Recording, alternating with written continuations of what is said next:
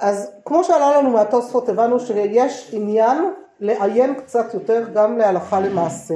ונורא שמחתי על ההזדמנות הזאת כי בעצם ההזדמנות הזאת נותנת לנו איזשהו, איזשהו סוג של חזרה למבוא לתורה שבעל פה שפתחנו איתו את השנה שיאפשר לכם להתחיל להבין את זה מתוך העיסוק בדברים. לא רק באוויר שאני אומרת לכם היה ככה וככה וככה וזה מן הסתם לא נקלט יותר מדי אלא ממש מתוך אה, עיון אה, במקורות עצמם עכשיו אני מזכירה אבל טיפ טיפה דברים אה, ממש כדי, אה, חיה בדיוק בגלל השאלה שלך על מה ההבדל בין הראש לריף ודברים מהסוג הזה אז אני עושה חזרה מהירה טיפה כדי למקם אתכן במקורות ואז אתן מתחילות לרוץ. תשימו לב חלק מהמקורות יהיו קצת יותר קשים מבחינת הרמליץ וכאלה.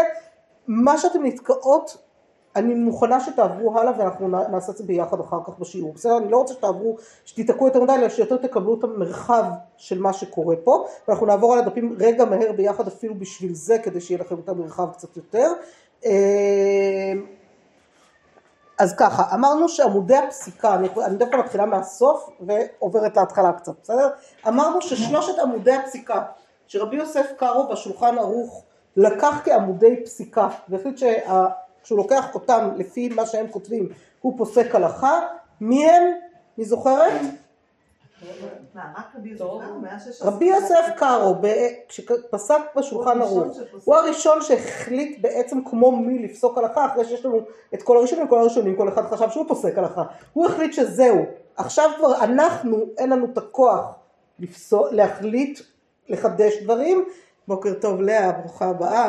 אה, לנו כבר אין את הכוח לחדש דברים, אנחנו יכולים, אנחנו יכולים ל... להכריע בין הדעות. איך נכריע בין הדעות? היו הרי המון ראשונים, אז הוא בחר שלושה עמודי פסיקה, בסדר? שלושה פוסקים הכי הכי הכי גדולים בעיניו באותה תקופה, בתקופת הראשונים ודרכם לעשות איזה מיצוע. ביניהם זה פחות או יותר אבל הוא ממש כותב את זה בהקדמה שלו לשולחן ערוך. אז לבית יוסף לשולחן ערוך אז מאוד ברור שככה הוא הולך. אה, הבית יוסף שולחן ערוך מה ההבדל ביניהם? אתם זוכרות? בית יוסף פירוש על הטור ושולחן ערוך ספר הפסיקה. בסדר? ההכרעה להלכה למעשה. עכשיו אה, אז שלושת עמודי הפסיקה שהוא בחר הם הריף הראש והרמב"ם, בדיוק. הריף הראש והרמב"ם, או הריף הרמב"ם והראש יותר נכון מבחינת הסדר שלהם, הריף הרמב"ם והראש. את הריף ראינו כבר בשבוע שעבר, לכן לא הכנסתי אותו לדפים האלה. אנחנו נשאר לנו כמובן לראות רמב"ם והראש. אמרת שהוא לא פסק. הוא פחות או יותר כן פסק, בדרך כלל הוא פסק הלכה. לא, לא. לא, לא, לא, זה הריף, זה הריף. רגע, רגע, רגע, אז בואו נעשה סדר עוד פעם. שנייה, שנייה, שנייה. לא, אני רואה שזה, אין בעיה, אז אנחנו לאט לאט חוזרות טיפה אחורה. אנחנו בתחילת הדרך וזה בסדר, זה לוקח קצת זמן, כל הסיפור הזה. אמ, זה לוקח טיפה זמן. סליחה, לא, לא זכרתי אז איך הוא הסתמך על הריף? אז רגע. מה שהריף עשה, אמרנו, פסקי הריף, בסדר? כאילו הריף, התלמוד של הריף, זה היה לקחת את הגמרא ולהוציא את כל, לנפות ממנה את כל הדברים שהם אה, מסביב, בסדר? ולהשאיר רק את הדברים שהם חשובים להלכה למעשה בעיני הריף, המון פעמים גם להכריע הלכה למעשה, בסדר? להכריע הלכה למעשה, איך להכריע? להגיד יש לנו לישנא קמא לישנא בתרא, מה זה לישנא קמא לישנא בתרא? אפשר, לשון אחת ולשון שנייה, שתי אפשרויות שהגמרא אומרת, הגמרא אומרת כך וכך, ואיכא דאמרי, יש שאומרים כך וכך.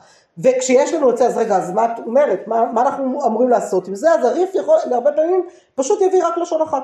את הלשון שהוא החליט שצריך לפסוק לפיה בסדר? ולא יביא את השלוש בכלל לא יביא שיש איכא דאמרי זאת אומרת לא יביא יתעלם מזה שיש מי שאומר משהו אחר.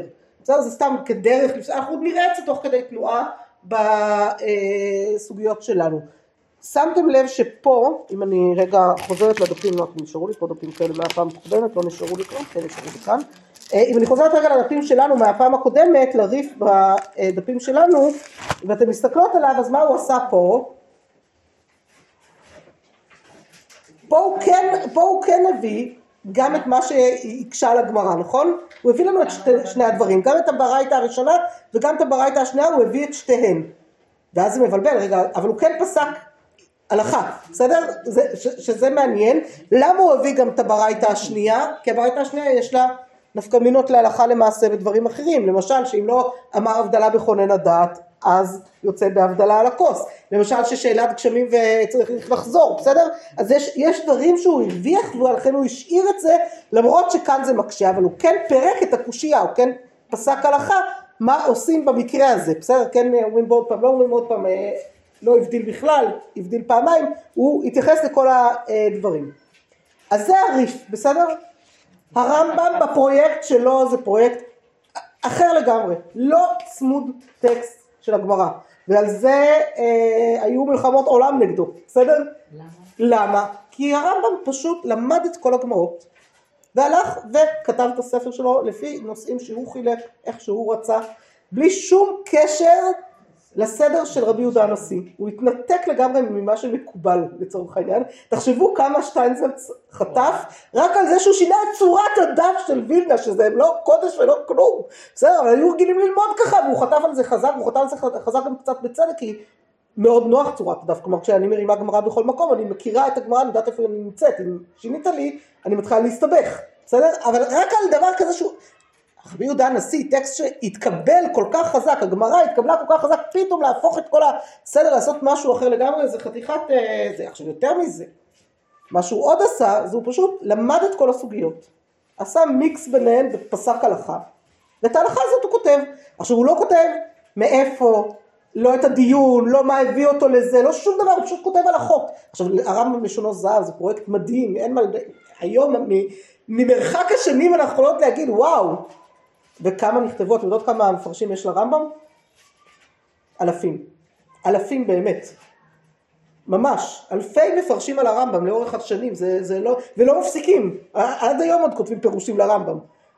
כי, כי באמת זה פרויקט שדרש המון המון עמל אחריו להבין איך הגעת למסקנה הזאת, מה, מה אתה חושב על הסוגיה, מאיפה הסוגיה בכלל. יש, אה, אולי פעם אני אביא לכם אם נרצה ככה לעשות איזה גיחה, יש אה, תשובה מדהימה שהוא כתב באחת האגרות שלו, שהוא מספר שמישהו בא ושאל אותו אה, מה המקור של משהו מסוים שהוא כתב, הוא היה בטוח שזה בגמרא מסוימת, הוא לא מצא את זה.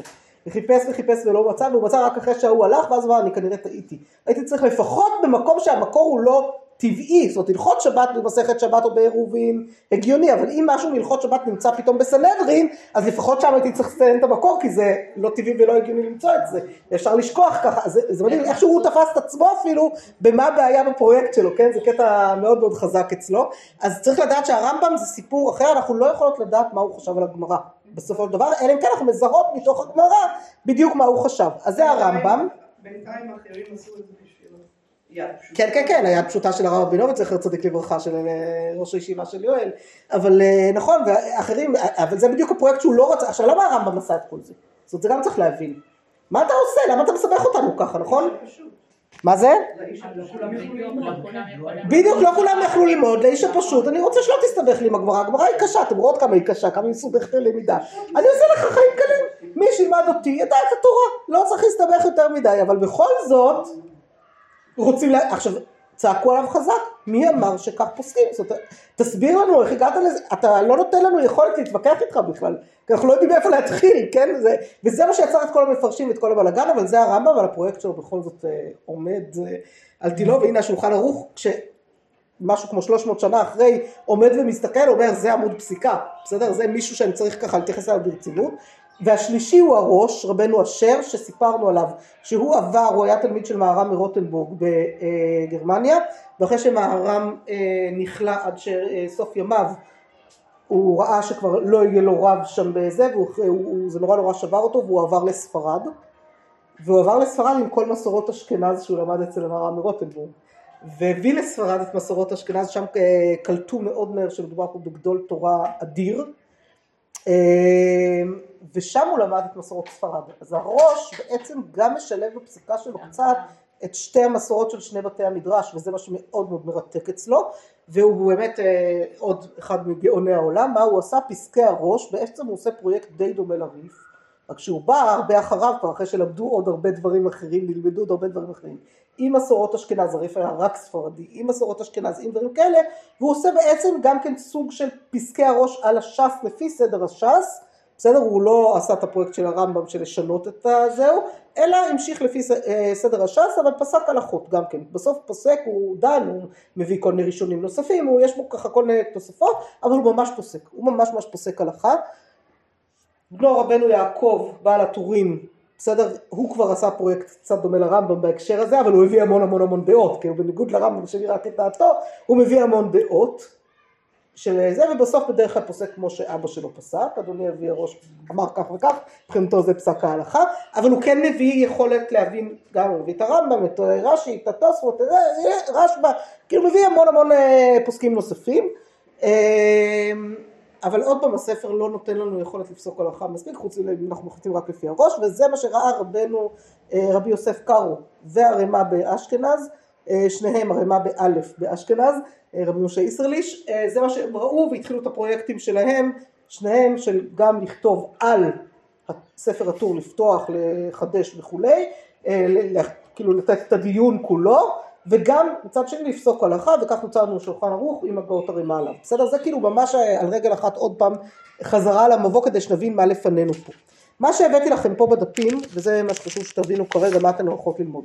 אז קודם כל הבאתי לכם את הרמב"ם, כי את הריף כבר ראינו, אמרנו עמודי פסיקה הרמב"ם ריף ראש, אגב הרימה חלק עליו, אמר לו מי אמר שאלה עמודי פסיקה?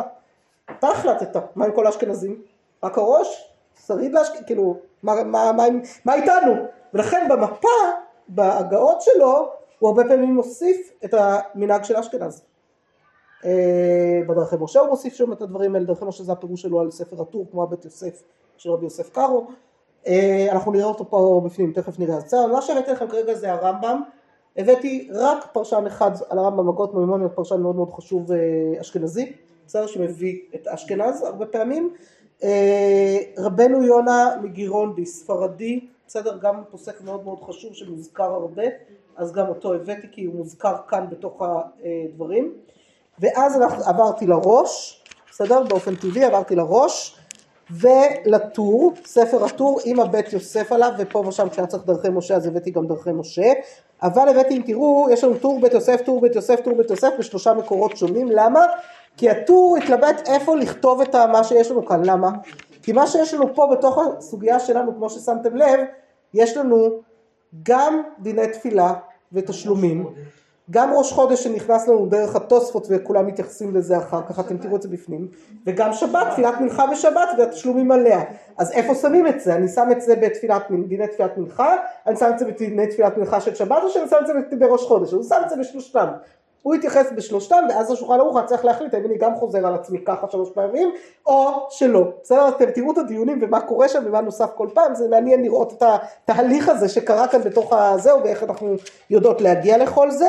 ובסוף כמובן הבאתי לכם את הפסיקה של השולחן ערוך, אמר שם בסוף זה למיטיבי לכת ככה, מי שיהנה, תהנה לראות את זה, אבל זה יוסיף לנו עוד איזה נקודה בתוספות, זה יחזיר אותנו חזרה לתוספות, וקצת אה, אולי יפתח לנו עוד נקודה, אבל זה באמת אה, בסוף בסוף בסוף, אה, לא סתם שמתי אותו בסוף. אה, מורנו הרב אידליס, משהו כזה, אידליס זה על שם חמותו שפרנסה אותו. אדל, אז, אז הוא ממש כונה על שם חמותו כי היא פרנסה אותו כל חייו.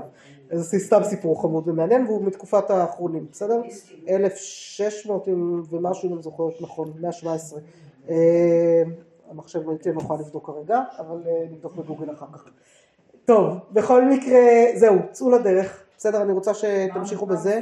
המשימה היא כרגע, לעבור על זה, עכשיו כמו שאמרתי, אם אתן נתקעות מדי, אל תתקעו מדי, תמשיכו הלאה. תסמנו מה לא הבנתם, בסדר? נתקעות, תסמנו מה לא הבנתם, תמשיכו הלאה, נשאר לכם זמן, תחזרו חזרה.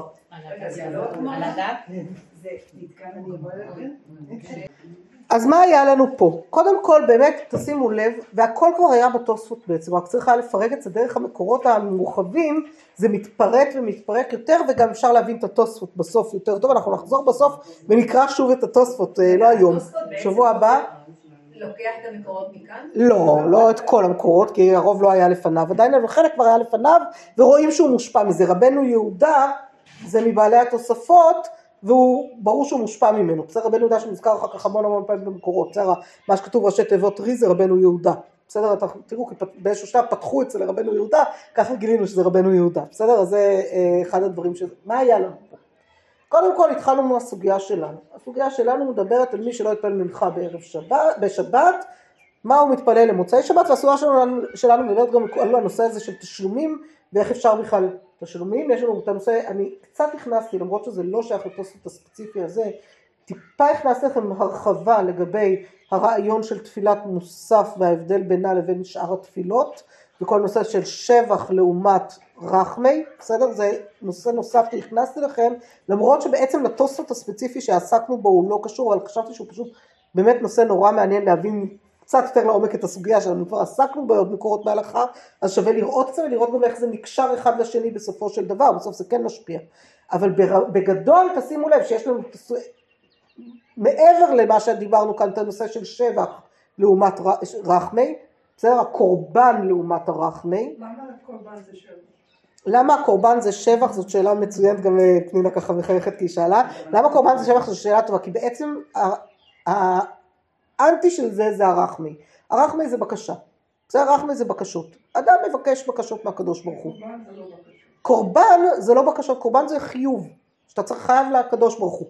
זה החיים שאתה, הקורבן שלנו אתה מביא הוא בעצם כחלק משבח לקדוש ברוך הוא, קורבן מוסף הזה. אה, זה מוסף. לא, קורבן מוסף, קורבנות, כן, הקורבן- כן. גם התמידים בעצם הם סוג של משהו שאנחנו חייבים אותו, לא, שאתה מביא. אלא מה, לא, אני לא מדברת על קורבנות נדבה, קורבנות נדבה זה סיפור אחר. לא, סליחה, תבקש סליחה. כן, כן, כן, לא, לא מדברת לא על חטאת ולא על נדבה ולא על כל הדברים האלה. קורבן, אה, של זמן, שהוא גם התמיד של כל יום, התמידים של כל יום וגם קורבן. מוסף, בסדר? קורבנות המוספים, הם חובות הציבור בעצם שצריך זה, וכנגדם גם יתקנו קורבנות. עכשיו מה אנחנו מבינות כאן לעומק יותר? גם את הסיפור של האבות לעומת קורבנות. למה היה צריך לסגור את הסוגיה בזה שאבות תקנום וגם כנגד קורבנות תקנום? אז כנגד קורבנות תקנום אמרנו בגלל מוסף, כי אין למוסף אבא, נכון? אבות תקנום, עכשיו אנחנו מבינות למה אבות תקנו את- התפילות? בקשה. בדיוק, הם היו צריכים לבקש בקשות, תרחמי, אבות תיקנו תפילות, אז יסוד התפילה הוא ברחמי של האבות, שהאבות ביקשו, אם דיברנו על תפילה לילדים קודם, כן? נכון, אז זה תפילה, בסדר, זה גם השבח לקדוש ברוך הוא שנתן לנו אותם, אבל אנחנו יחד עם התודה והשבח, אנחנו בוודאי מבקשות, בסדר? המקור של שבח ובקשות זה אותו מקור, זה הכנעה לקדוש ברוך הוא. הכל זה הכנעה לקדוש ברוך הוא, בסוף, את יודעת, כש- כשלומדים, פנים של הכנעה. כן, אבל בדיוק, אבל כשלומדים, אה, בסופו של דבר, כשמתחילים לימודי אמונה נגיד, או דברים כאלה, בסוף בסוף בסוף צודקים אה, החב"דניקים שאומרים, אין עוד מלבדו. כאילו, אבל אם את שמה רק את האין עוד מלבדו ואת הופכת לעין, לאפס, אז איך, תשב, איך תייצרי את המלבדו הזה, כן? את ה- אין עוד מלבדו, איך ידעו בעולם שאין עוד מלבדו? כלומר, אנחנו פה בעולם כדי לבטא את מלכותו של הקדוש ברוך הוא, כן? זה, זה, זה התפקיד שלנו פה. ואם זה התפקיד שלנו פה בעולם, אז איך אנחנו מבטאים אותו? אז מבטאים אותו גם על ידי שבח, וגם על ידי תודה וגם על ידי בקשה. זאת אומרת, יש את כל הצדדים. אז הקורבנות התמידים הם באמת חלק מהשבח הזה, חלק מהביטוי המנותק לצורך העניין מהצרכים שלנו. זה רק בשביל שיהיה ביטוי למלכותו.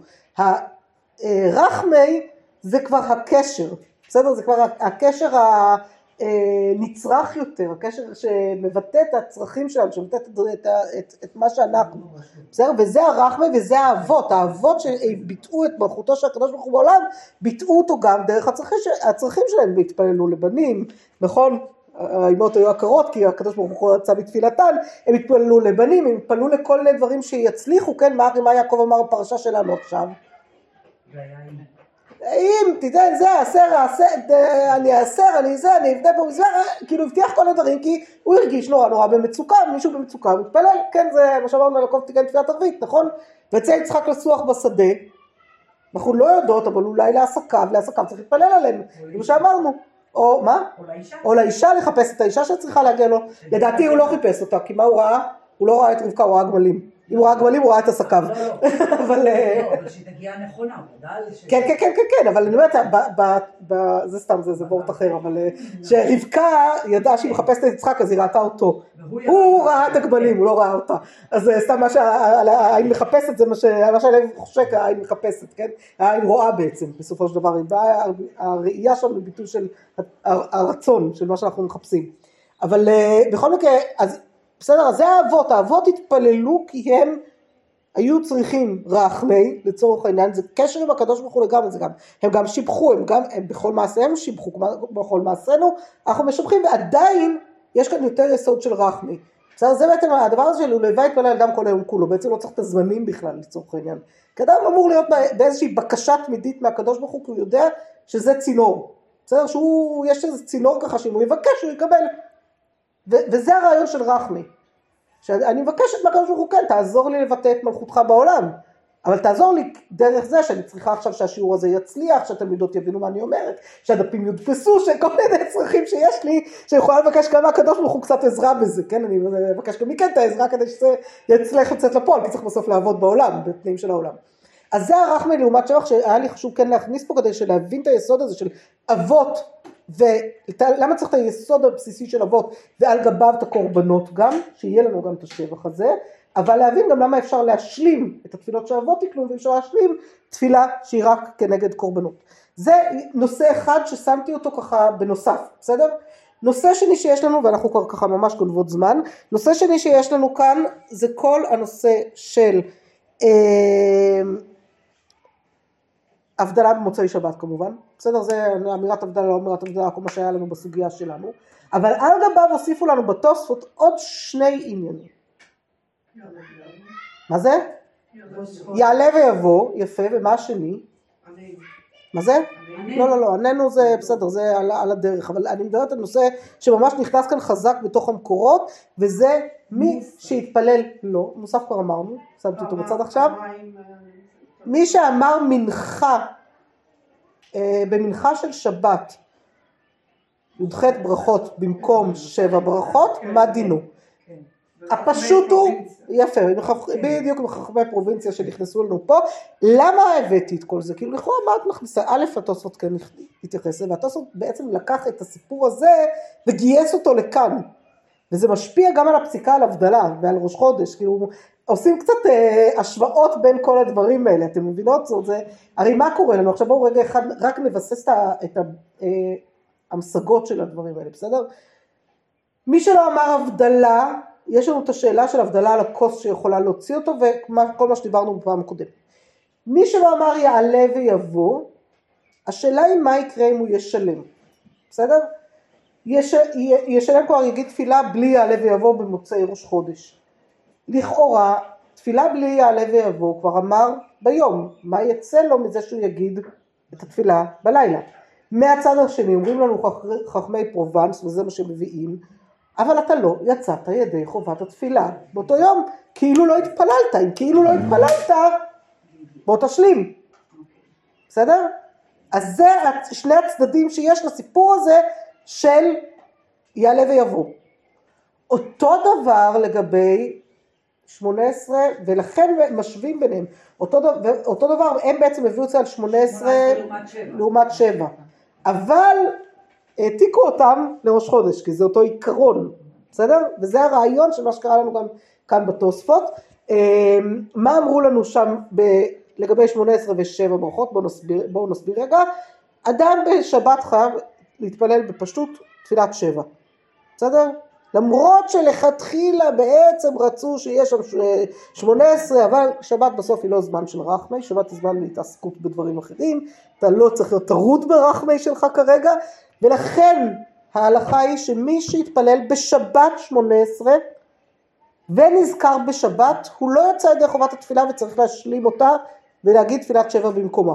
לחזור ולהתפלל תפילת שבע, תתפלל כמו שצריך. גם אם פעלת את כל השמונה עשרה, כן? לא שמת לב בכלל, רק אחר כך, תחזור תתפלל תפילת שבע.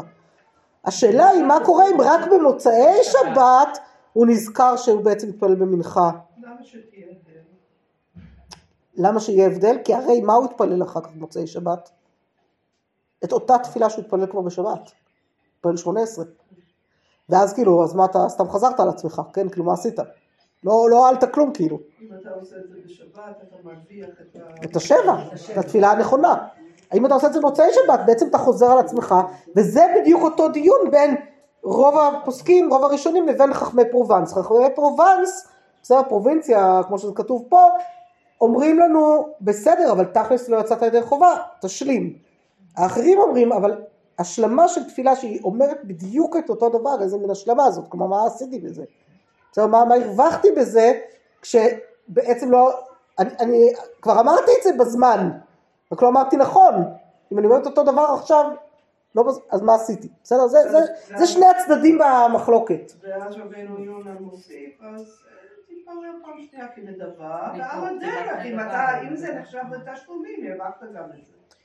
נכון, כלומר רבנו יונה בעצם מנסה להרוויח משני הצדדים, הוא אומר, זה כמו, אתם יודעות, רבנו יונה מזכיר כאילו בהקשר הזה את אה, ועל הכלכלה הנעורים, אתם מכירות את זה? סוף ברכת על המחיה, איך מסיימים את ברכת על המחיה? אנחנו מתחילות על המחיה ועל הכלכלה ועל תנובת השדה וכולי, נכון?